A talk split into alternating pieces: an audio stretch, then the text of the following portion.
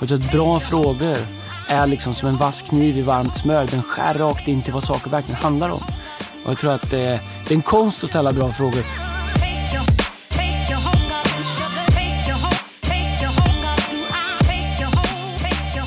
Välkommen tillbaks till podden Fearless Leadership. Det är... Torsdagen 24 september. Ja, det är det. är Och du är tju- 45 år. Ja, det är det. Grymt. Ja, det är inget trott. Um, en podd där jag och Erik, eh, mer eller mindre förberedda, släpper in er i ett pågående samtal som vi har haft i, ja, vad är det? 18 år kanske? Ja, så är det 17-18 nog. år. Som pågår hela tiden och vi tänkte vi skulle göra en podd av det. Så eh, om du är intresserad av att höra mig och Erik sitta och prata 20-25 minuter om ledarskap så är du varmt välkommen. Om du tänker det där vill jag inte vara med om så eh, finns det andra poddar.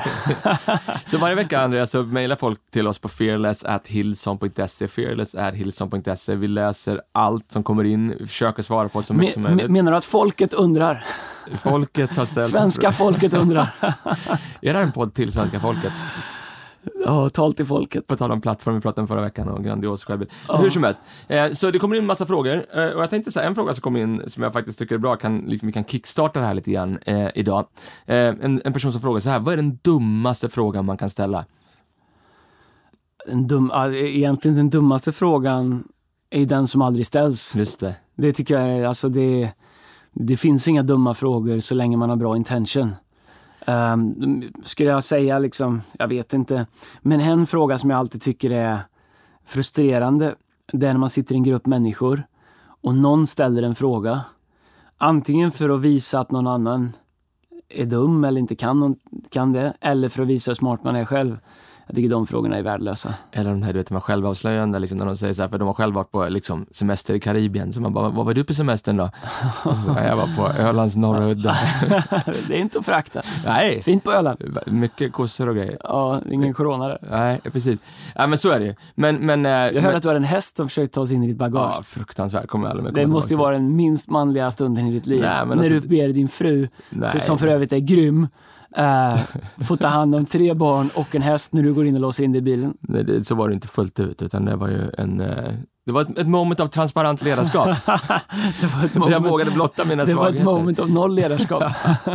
Jesus var grym på att ställa frågor. ja, verkligen. Faktum är att han, eh, han, eh, jag läste någonstans, eller faktum är att jag googlade, att eh, under Jesus tid på jorden så var... Förr i tiden så hade man så här bibellexikon, Ja. studiebibeln, fem stycken stora volymer. Jag har det. Ja.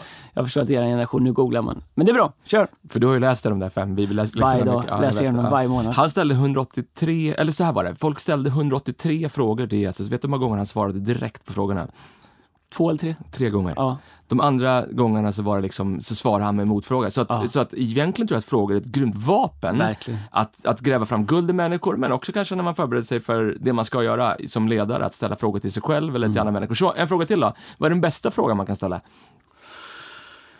Ehm, jag, ja, jag vet inte. Jag, jag tror att den bästa frågan man kan ställa är ehm, alltså en fråga som man genuint vill ha svar på. Mm. Alltså även om den är utlämnande eller blottande. Alltså jag, jag älskar eh, att få frågor som är genuina. Mm. Det är inte en fråga man ställer för att imponera, det är inte en fråga man ställer för att egentligen göra ett statement eller säga, det är en genuin fråga. Hjälp mig. Eller kan du, kan du liksom, kan du svara på det här? Kan du hjälpa mig med det här? Kan du, kan du eh, make sense av det här? Och eh, jag märker också när jag är runt eh, ledare som jag har runt mig, som är ledare i mitt liv, att faktum är ju bättre frågor jag ställer, ju bättre svar får jag. Sant. Ibland så tänker man att liksom, dynamiken mellan frå- ställa fråga och, och få ett svar, att den ligger så mycket på den som ska svara. Men jag har upptäckt att dåliga frågor får ofta dåliga svar, bra frågor får ofta bra svar. Så, eh, så, så att tänka igenom vad är det egentligen jag vill fråga om och fråga om det. Mm. Eh, det är den bästa Jag frågan. tycker Jesus var grym på det. Jag tänker på eh, så många ställen. Ja, Bartimeus, eh, han sitter där blind vid vägen och, ge, och liksom, han kommer fram till Jesus, fortfarande blind så som jag läser i alla fall, och liksom bara så här, och Jesus frågar honom, vad vill du ha hjälp med? Mm. Dö, Jesus, vad tror du? Han är blind. Men jag älskar det med Jesus för att han är, han, han ställer raka frågor till Mm. oss han vill ha raka svar tillbaka, eller, och raka svar, eh, frågor, eller hur? Mm. Och, och den frågan där, eller Johannes 5 med, med mannen som la om vid Betestapoolen, eller dammen där, där han säger om du vill så kan jag göra så att du kan gå. Mm, Vad är det för fråga att någon som har i 38 år? Men jag tror att den, den, den skär in i så mycket mer än bara um, liksom det obvious och Jesus har ett sätt att ta sig in till det som det verkligen handlar om. Och att bra frågor är liksom som en vass kniv i varmt smör. Den skär rakt in till vad saker verkligen handlar om. Och jag tror att det, det är en konst att ställa bra frågor. Jag är inte superbra på det. Jag försöker bli bättre. Uh, men det är en konst att ställa bra frågor. Mm, mm. Right. Och, och, en sak jag märkt, stora ledare, vare sig det är i kyrkan, eller företagsvärlden eller wherever, idrottsvärlden. De som är bra, de, ställer, de är också bra på att ställa frågor. Ja. Ja, är bra. Eh, en kille som mejlar oss i, från södra Sverige, tror jag att det är, lite osäker på den här orten, men eh, det tror jag. Säg vart det är, ska Nej, säga vart det ligger. Tranås. Tranås. Vilket landskap ligger det i? Ja, men alltså, det är ju södra Sverige. Är det Nej, ja, Småland. Östergötland. Öster... Westervik. Westervik ligger inte nära Westervik. Det ligger nere det ligger ju... Ja men det är hopplöst alltså. Med Sö Stockholm. Söder om Söder. Ja.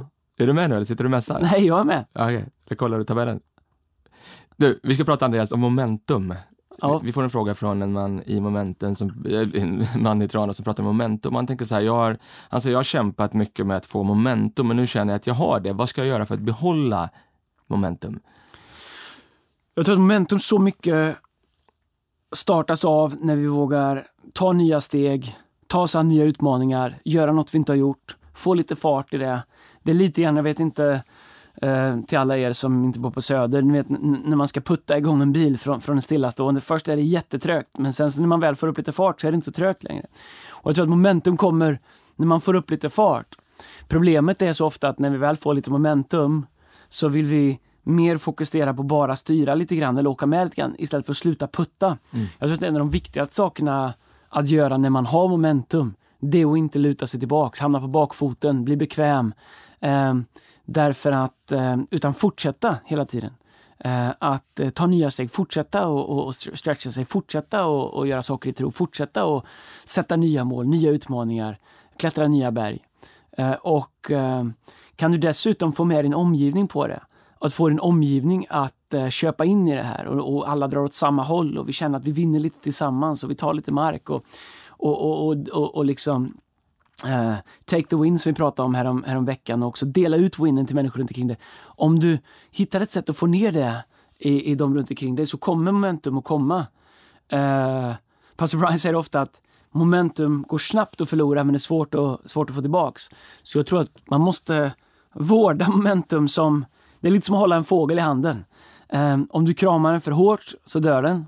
Om du håller den för löst så flyger den iväg. Du måste vårda momentum. Du måste ha lite fingertoppskänsla och känna vad behövs nu? Vad ska vi göra nu?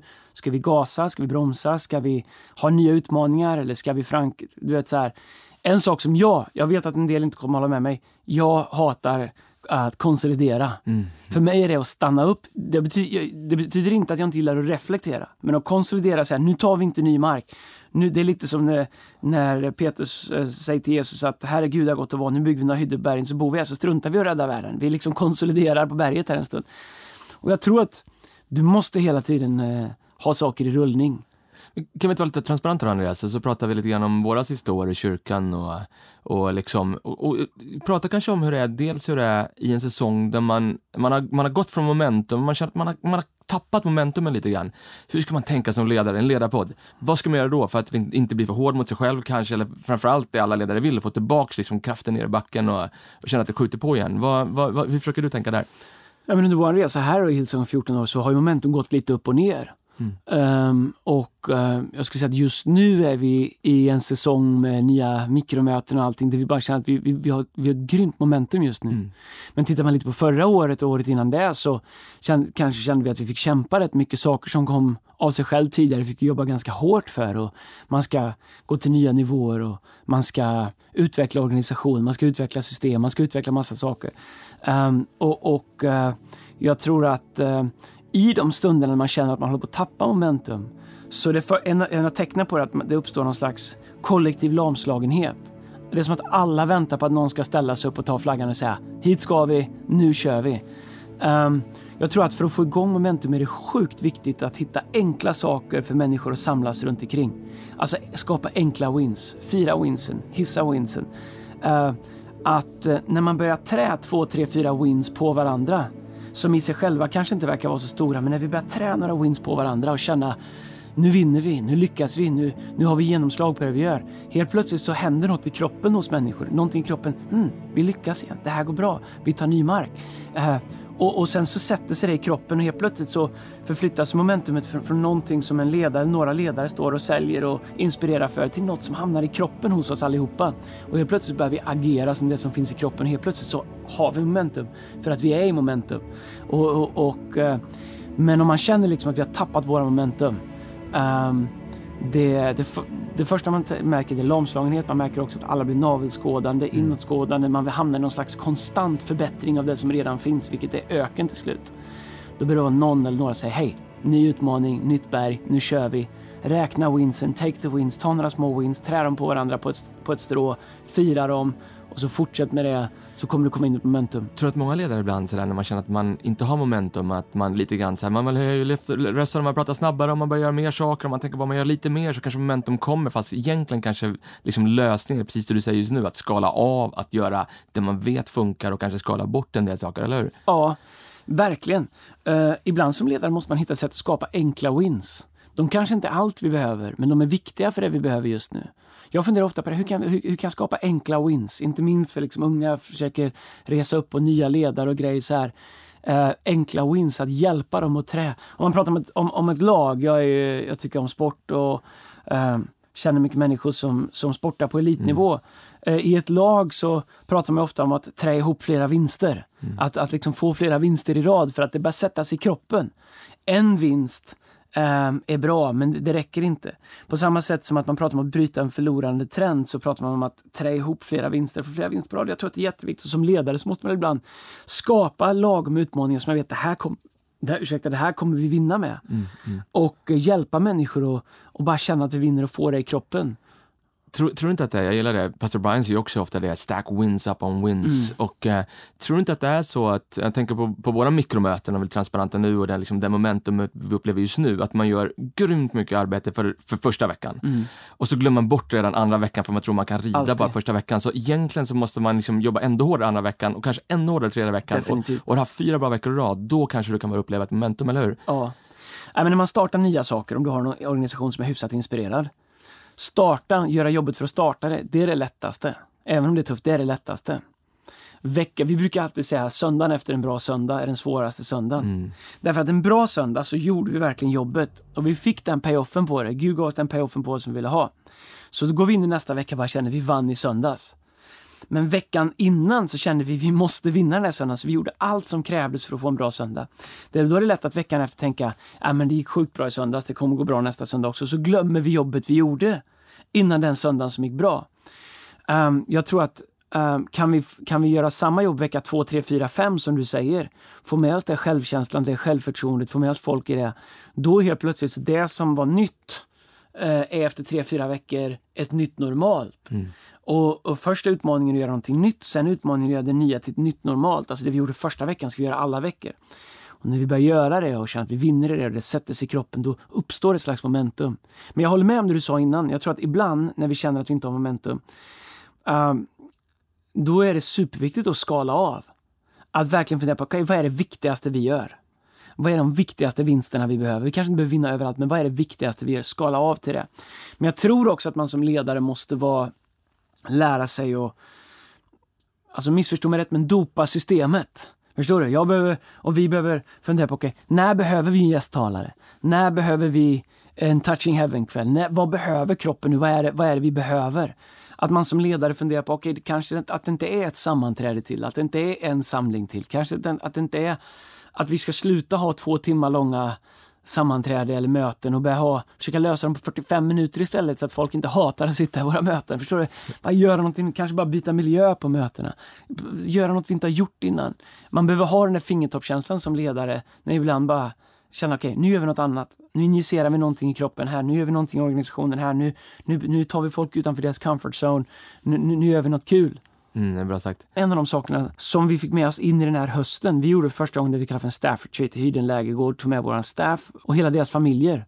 Och bara liksom eh, hade kul tillsammans. Vi hade ett möte, Pelle Hörnmark var där, men vi hade kul, vi åkte vattenskoter, åkte, ungarna fick åka båt, eh, så här, ring efter en båt och grejer. Och, och eh, eh att bygga gemenskapen, bygga eh, trygghet hos varandra, bygga liksom att vi we're in this together. Jag tror att det finns en grym payoff. Vi har inte gjort det innan, vilket är galet att vi inte har gjort det innan. Mm. Men jag tror hitta saker som du inte har gjort innan för att få, få nya payoffer. Tror du att det går att organisera sig eller strukturera sig in i någon form av momentum? Uh, alltså både och. Jag tror så här, vi har ju fördel i kyrkan, för vi har en gud som, vi tror på det här suddenly, att Mm. helt plötsligt. Men samtidigt så finns det en övertro tror jag ibland på det här suddenly, att vi går och är passiva och väntar på att Gud ska göra någonting. Sen jag växte upp så har jag hört talas om en väckelse som ska komma som en vind, som en våg, som en, som en flod, som en boll. Du vet så här. Men, jag tror att någonstans Gud, Gud letar efter förberedda saker också, så jag tror att uh, um, jag tror att uh, man måste vara ganska aktiv i det, man måste vara specifik i det. Ofta har jag upptäckt så här, att när saker inte riktigt funkar, ofta är det bara ett beslut bort ifrån att saker hoppar rätt. Mm. Alltså, de gångerna som vi har bytt några roller, ändrat någonting litet, som kanske i sig själv verkar obetydligt, men det har gett ett, en payoff på hela vår verksamhet. Alltså, du vet hur många gånger det är. Mm. Ofta så är det små förändringar, ofta är det de förändringar som man drar sig för att göra.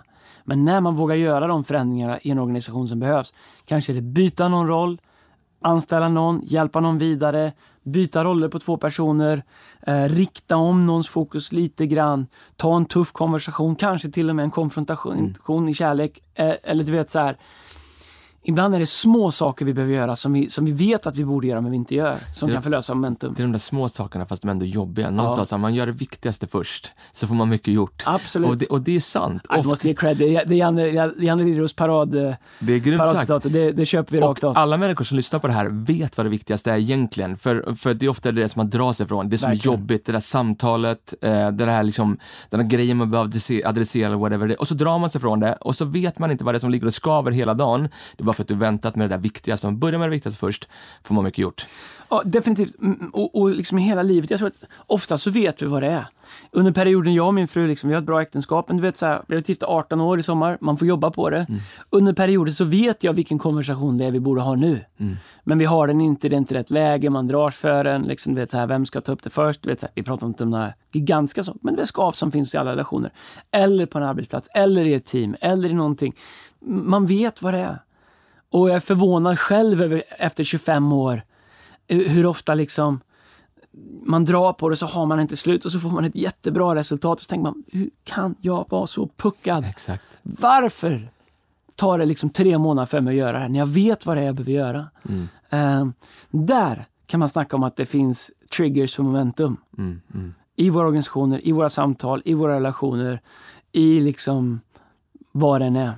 Det är en läxa till någon som sitter och lyssnar på det här. Jag Bara tror så- också, till förlåt. att ta tag i det på en gång. För det finns saker som man sitter och tänker på att man borde ha gjort, gör det. Ja. Jag tror också att det finns något för ledare, som, alltså en ledares intuition. Mm. Vissa gånger i mitt ledarskap så, så, så vet jag, har jag vetat vad som behöver göras utan att veta varför eller kunna fullt ut förklara det. Och ibland så, liksom så trycker man bort det därför att äh, men det kanske inte makes sense eller du vet, jag kan inte fullt ut liksom förklara hur, hur, varför jag känner så eller varför jag tror så. Och så trycker man ner det. Och sen så bidrar man inte med vad man bidrar till. Men ibland så när man vågar gå på faktiskt en ledare, för vi tror att Gud använder vår intuition eller den helige Ande talar till oss. Du vet så här, underskatta inte din intuition. Utveckla din intuition. Alltså en ledares intuition. Jag skulle hävda, jag är inte bäst på området, den är viktigare än alla böcker du läser. Du kan läsa hur mycket som helst, om du inte lär dig att använda din intuition, utveckla den, förfina den, finstämma den, träna den, då har du missat det bästa verktyget du har. Och jag lovar, en ledares intuition kan skapa momentum i vilket område som helst. Okej, vi pratar lite mer om det här, för jag gillar det. Det är ju en grymt stark sida i ditt ledarskap och även pastor Brian, intuitionen. Vad gör man för att backa sig själv när det kommer andra människor som kanske har mer livserfarenhet eller har läst, har mer högskolepoäng eller whatever, så du borde göra så här Andreas, eller gå dit. Och så vet man den här intuitionen att nej, jag borde gå höger, fast, även fast de säger vänster. Vad gör man för att backa sig själv? Jag, jag tror att du, du, måste, du måste våga backa dig själv. Men du måste samtidigt kunna ta in andra, du måste kunna ta in annan input. Intuition är inte, jag lyssnar inte på någon annan, jag kör mitt eget race. Det är inte intuition, det är idioti. Hårfin gräns ibland, men för mig är det idioti. Intuition är, jag värderar din input, jag värderar var du kommer ifrån med din erfarenhet, jag värderar vad du säger, jag vet att du är här för att du vill det bästa. Jag tar in det, jag gör en samlad bedömning, men jag känner, nej det här, det här är vad vi ska göra. Nej, om du gör det, Uh, jag leder mycket utifrån intuition. Du har inte råd att göra fel för många gånger innan människor inte litar på din intuition. Det innebär att ibland så måste du kanske, ja jag känner så här men det är inte värt den här gången. Jag lyssnar på input, jag har bra människor runt omkring mig. Men när du vågar lita på din intuition och du faktiskt står för en, backar den och säger, vet du vad? Vi går på det här, jag tror på det här, jag känner starkt för det. Då må, du måste bygga trust hos människor runt omkring dig. Jag är otroligt tacksam för att jag har människor runt omkring mig. Mina pastorer, styrelsen som leder vår kyrka, um, ledare jag leder, som jag leder eller som jag, som jag leder tillsammans med. Mm. Att jag har människor som faktiskt törs ha en egen åsikt, som står för någonting, som har en integritet, som har, liksom, som, som har en ryggrad. Men där jag också fått chansen att bygga ett förtroende för min intuition. För att ingen kommer säga jag har intuition, bara gör som jag säger. Du måste bygga en trust i det. Du måste trä bra beslut på varandra, lite som vi pratade om tidigare. Uh, men om du gör det, om du fattar bra beslut, om du trär bra beslut. Uh, en del tänker att de som leder på intuition, de skjuter alltid från höften. Jag skulle säga tvärtom. Det kan verka som att man skjuter från höften. Grejen är att jag upptäckt att ofta så grubblar de mer än vad kanske andra gör, eller mer än vad folk tror. Om jag säger någonting, um, eller vill jag launchar någonting. Du vet att jag har pratat med dig om det många gånger, jag har pratat med Lina om det, jag har pratat med kanske andra om det, jag har pratat med... Det är inte bara taget ur luften. Utan det är någonting som växer fram. Det kanske ser ut när man releasar det som att det där drog vi ner från månen i natt. Liksom. Men så är det inte. Jag tror att du måste lära dig din intuition. Du måste förstå att det tar tid att få, få förtroende för den. Och eh, som ledare så är man ju bara på ett sätt inte bättre än sitt senaste beslut. Det är därför du måste ha lite på banken. Så vad gör man som ledare om man har massa människor som följer en och man känner att de pressar på en att ta ett beslut? Eh, men man känner att man inte är redo att ta det beslutet. Vad gör man då? Ska man, ska man bara vänta då eller ska man, ta, ska man ta ett beslut som man inte är riktigt redo för? Jag tror som ung ledare, om jag tittar på mig själv när jag var yngre, så, så, så fattade jag massa beslut för att jag trodde att det var det omgivningen ville ha från mm. mig. Snabba beslut, hålla alla lyckliga, hålla alla igång. Och det finns definitivt lägen där man är tvungen att fatta ett beslut fast man skulle vilja vänta. Men big picture, så är jag på en plats där jag kommer inte fatta ett beslut om jag inte är redo. Nej. De beslut som jag ska fatta, det, och det händer varenda dag, varenda vecka att folk försöker pusha på, de skickar mejl, de vill ha svar och jag fattar det, alla vill komma framåt. Men eh, jag hjälper inte människor genom att fatta beslut som jag inte är redo för. Uh, och det verkar som att vissa beslut går snabbare och snabbare att fatta, men vissa beslut tar längre och längre tid att, att fatta. Mm. Och jag tror att uh, där måste man uh, våga lära känna sig själv lite grann. Ja. Ehm, men nej, jag tycker inte som ledare du ska låta någon pressa dig till att fatta ett beslut som du inte är redo att fatta. Mm. Däremot kan du inte leva, leda obeslutsam. Eh, så om du behöver tid på dig för att fatta ett beslut så måste du fortfarande, fortfarande fortsätta leda. Exakt, exakt. Hej, okej okay, vi fortsätter, vi, vi springer vidare lite grann. Vi får väldigt mycket frågor Andreas om människor som pratar om hur man gör, hur man dealar med sin osäkerhet. Det kanske ligger i tiden, I don't know. Liksom med, med liksom att jämföra sig med andra och så vidare. Vad gör man? Jag tyckte någon formulerade så bra. Eh, sa så här, vad gör jag för att inte ta med min osäkerhet in i min roll som ledare? Jag tror att det är omöjligt. Alla ledare har ett mått av osäkerhet. Om du inte har det så är du nog inte hälsosam. Problemet är hur vi hanterar den Um, och vad vi kräver av omgivningen för vår osäkerhet. Um, jag tror tyvärr att det finns för många ledare som kräver att omgivningen ska kompensera för min osäkerhet hela tiden. Um, jag tror att det finns alldeles för många ledare som har medarbetare eller till och med partners som de kräver av att de ska kompensera för deras osäkerhet hela tiden. Ge dem plattform de inte ska ha, ge dem strålkastare. Alltså där det är eller du vet, så här, bara ge dem positioner de inte ska ha eller måste hela tiden eh, eh, catcha till en ledares osäkerhet. Osäkra ledare skapar osäkerhet runt omkring sig hela tiden och på något sätt så kräver de att hela omgivningen ska vara med och fylla det hålet i deras liv hela tiden. Och det på sikt blir alltid ohälsosamt liksom och det, jag tycker att eh, det finns en osäkerhet hos alla ledare. Jag menar Paulus, han, eh, om tittar på Johannes döparen, sina sista, han som döper Jesus, han som gör allting. I slutet på sitt liv så skickar han lärjungar till, till Jesus med en fråga, fråga honom om han verkligen är den som ska komma. Mm. Och förstår du? Så, så det visar mänskligheten i det. Paulus är osäker, han säger det jag vill göra, det gör jag inte. Det jag gör, det vill jag inte göra. Liksom. Mm. Han säger jag är den sämsta av er alla. Jag måste ändå säga att Paulus var ganska bra jämfört med, med mig och, och, och många andra. Så, så det finns en osäkerhet men du måste deala med den. Okay? Om du känner att den är så stor så att du faktiskt måste ta hjälp, ta hjälp. Om du har issues, uppväxt, bakgrund, whatever, um, ta hjälp. Därför att ingen vill stå och se dig blöda på plattformen hur länge som helst bara för att, för att, liksom att du ska få ett plåster på din osäkerhet. Mm. Um, jag tycker man kan leda genom osäkerhet, alltså genom sin egen osäkerhet. Jag tror att man kan, eh, man kan fortsätta växa genom den. Du behöver inte vara färdig för att vara en ledare. Men eh, du kan inte låta din osäkerhet lysa igenom. Här är grejen. Osäkra ledare som eh, behöver omgivningens bekräftelse hela tiden. De inser inte hur mycket det syns. Mm. Jag tror att det är en, en sak som kommer med den osäkerheten är den här gigantiska blindspotten. Att de inte inser att, att det finns en elefant i rummet som ingen vill prata om. Därför att med osäkerhet så kommer ofta att man har ganska ömma tår. Mm. Vilket gör att folk tänker den konversationen är inte värd att ha. Så problemet med osäkerhet är att det ofta skapar en stor elefant i rummet som och till, antingen leder det till slut till konflikt eller så leder det till att människor inte bara pallar, pallar inte och drar sig undan. Och man får svårt att få med sig folk eller du vet så här, du måste du, du, blir krävande därför att människor pallar inte med osäkra ledare hur länge som helst. Lyssna, jag menar inte att det inte får finnas någon form av osäkerhet. Jag har det, alla har det.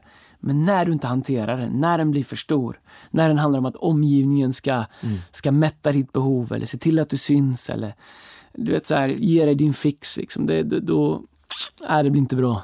Nej. Omgivningen tröttnar. Nej, jag håller med. Och tyvärr så är ju liksom då kanske en om man säger kyrka, där är människor mer, ibland kanske kärleksfulla och godmodiga och står ut längre eh, med det än vad man gör kanske på andra ställen. Mm, mm. Och det gör att det också kan växa sig till större problem. Ja, är grymt. Andreas, vi, vi, får mycket frågor, vi kanske kan avsluta med det, eh, där folk frågar hur strukturerar ni er? Liksom? Hur tänker ni? Hur ska man tänka? Ska man förbereda predikan lite varje dag? Eller liksom, hur lägger ni upp en vanlig vecka i Hillsong? Vi kanske ska prata lite grann om det mm. avslutningsvis. Vi har mm. ju om man ska vara transparent kan man säga att det fanns en säsong där, eh, där våran kyrka, vårt staff, våra volontärer var en produkt av kanske hur den här relationen mellan dig och mig ser ut som är lite halvrörig.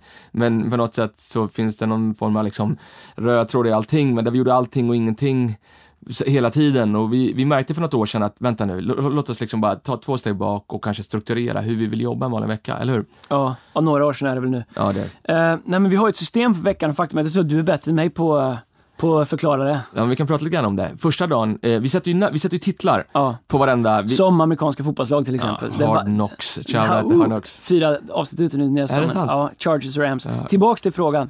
NFL-lag och andra, varje dag i veckan har en färg och ett namn så att man vet, idag är det tisdag, du gör vi det här. Idag är det onsdag, du gör vi det här. Så vi har ett sånt system i våran vecka som ett amerikanskt fotbollslag kan man säga. Och en, dag, eller en sak som vi, liksom, som vi verkligen fått trumma in i våran kyrka, vårt staff och så vidare, det är att liksom söndagen är första dagen.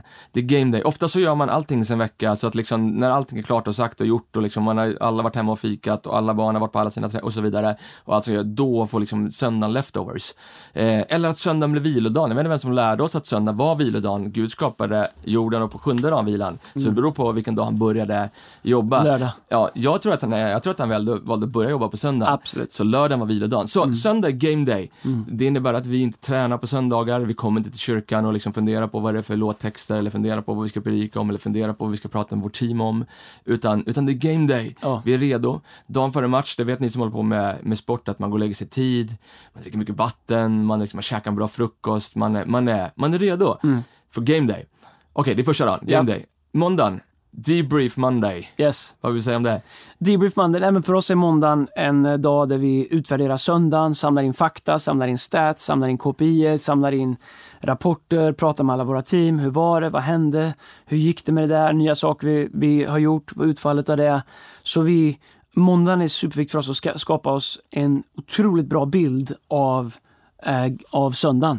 Precis, jag vet att jag... Och den blir en grund för resten av veckan också. Exakt, och jag tror att många människor går in i möten, alldeles många möten utan rätt underlag. Absolut. Eller också med bara en luddig agenda. Vad är det vi faktiskt vill ha ut av de möten? Så sitter man en massa möten efter möten efter möten. Jag vet att Lever Petrus fick den frågan i slutet av sitt liv, som var med och grundade pingströrelsen här i Sverige. Han sa, är det någonting du ångrar? Han sa, ja, jag ångrar att jag satt i så många långa möten som inte handlar om någonting. jag förstår exakt vad han menar. Det är bäst, ja, det är bland men, men grejen är så här, vi skojar om att vår relation är lite rörig grej mm. så här. Det är den, men jag vill också att den är knivskarp. Den är inte, det är inte så att vi Absolut. lallar runt. Och mm, vi, vi kör grej på feeling. Man kan säga, Det är inte många saker i vår kyrka som inte har en KPI. Är alltså. Key Performance Indicator, som inte går att mäta. Det är inte så att vi vaknar på morgonen och, och liksom spottar på fingret och försöker känna vartåt det blåser. Eh, därför att vi tror att allt, a, a, allt, som, allt som Gud gör går att mäta och, och vill vi bli bättre så måste vi veta vad det är vi ska bli bättre på. Så måndag är en debrief Monday. Eh, det är grymt viktigt och vi sitter igenom med siffror och statistik. Förbered oss för tisdagen. Tisdagen är Tackle Tuesday. Tackle Tuesday, då tar vi tag i det. Eller som vi har döpt om den till nu, Learn to Love Meetings Tuesday. Eh, men, men bra möten är bra Jättebra möten. möten. Viktiga möten. Och jag Så, lovar dig, om, om man sätter en halvtimme på ett möte, ett maxtak på en halvtimme på ett möte, så förmodligen så får du gjort lika mycket som på en timme. Inte alltid, men ibland. Ibland behöver man eh, möten, open-ended möte är det värsta jag vet. Mm. Eh, och jag är kass i dem, för jag snöar iväg på allt möjligt annat. Jag, jag hijackar mötena och så gör dem till något helt annat. Så jag är inte, jag är inte det är därför du är med på vissa möten. men, du, Ja. men du är med på viktiga möten. Men, men det, det jag tänker är också, jag tror att som, som ledare av ett möte, det har vi inte tid att prata rakt hela tiden om nu, men jag tänker så här, det är viktigt att lära sig läsa ett rum hela tiden. En bra ledare av möte involverar alla i samtalet, ser vilka som har liksom checkat ut och drar in dem i samtalet, eller kanske också utvärderar sig själv och funderar på, är det här för långt möte, är det för luddig agenda, får jag ut av det jag ville av det här mötet? Det är frågor man borde ställa sig, kanske lite självkritiskt och fundera på vad man borde ändra. Och vi borde göra en podd om det, där jag ställer frågor till dig, för du är grym på att hålla möten. Jag, det, jag är inte, jag är inte all, det är inte alls min grej. Men du är grym på det. Så vi, det borde vi göra en podd om. How tack. to run a meeting. Eh, Wednesdays är Execute Wednesdays. Execute Wednesday, vad betyder det på svenska? Nej, men det är att man... eh, Genomföra. Genomförande. Eh, onsdag. Jag hörde någon människa som, någon människa jag lyssnade på en podcast i somras som sa så här, det är överskattat med idé och innovation. Genomförandet är allt. Ja. Eh, så, onsdagar, då genomförde vi det som vi debriefade på måndagen och eh, det vi haft möten om på tisdagen, då genomförde vi det på onsdagen. Torsdagen eh, kallar vi för Campus Thursday eller Department Thursday. Då är vi ute på våra campusar, vi träffar volontärer, det gör vi på andra dagar också, men eh, vi, vi, vi grindar, vi blir bättre på att repa våra sånger, träna på att ställa ut stolar, träna på hur vi ska hälsa på människor, vi följer upp människor som tar emot Jesus. Eh, vi städar på våra campusar, vi är på lagret, vi förbereder för söndagen, förbereder för ljud på fredagarna och så vidare. Så det är våran Campus Thursday. Fredag, Community Friday. Community Friday, för de flesta som jobbar på staff så är det en ledig dag eftersom vi jobbar söndagar. Eh, men vi tar en dag för att hänga människor, bygga relationer, ha folk hemma hos oss. Vi bygger inte en verksamhet först och främst, utan vi bygger en community. Så eh, Community Friday. Sela Saturday. Får jag bara säga om Community Friday också. Jag tror att många människor underskattar kraften och energi man får av att faktiskt bara hänga med Ja, människor, ha, ha en bra middag hos någon och så vidare. Så Community Friday. Lördag, Sela Saturday. Sela betyder Eller- pausa och tänk på det. Det är, det är våran sabbat. Ledig dag, vila, vara med familjen, kolla på sport. Sports Saturday har jag om den till. Åh, Det är lite knivigt. Du vet i början när jag träffade Bea så sa att det är en viktig match ikväll. Och det är, för det är väldigt många viktiga matcher hela tiden. Men efter sju veckor när jag sa att det är en viktig match varje vecka så trodde du inte på det längre. Nu rappar vi upp det. Det gör vi. Alright. Hörni, eh, det här var sista avsnittet i september månad. I oktober så kommer vi eh, ha gäster i den här podden. Eh, det vill du inte missa. Hjälp oss att sprida ordet om Fearless Podcast. Maila oss på fearler.hillson.se så ska vi eh, försöka svara på alla frågor som kommer in. Vi uppskattar att ni lyssnar på oss. We love you.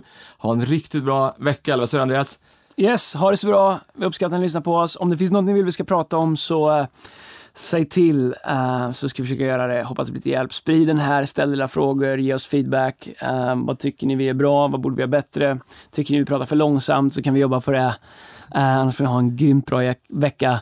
Kom ihåg att eh, ledarskap, det är alltid lösningen och alltid problemet. God bless.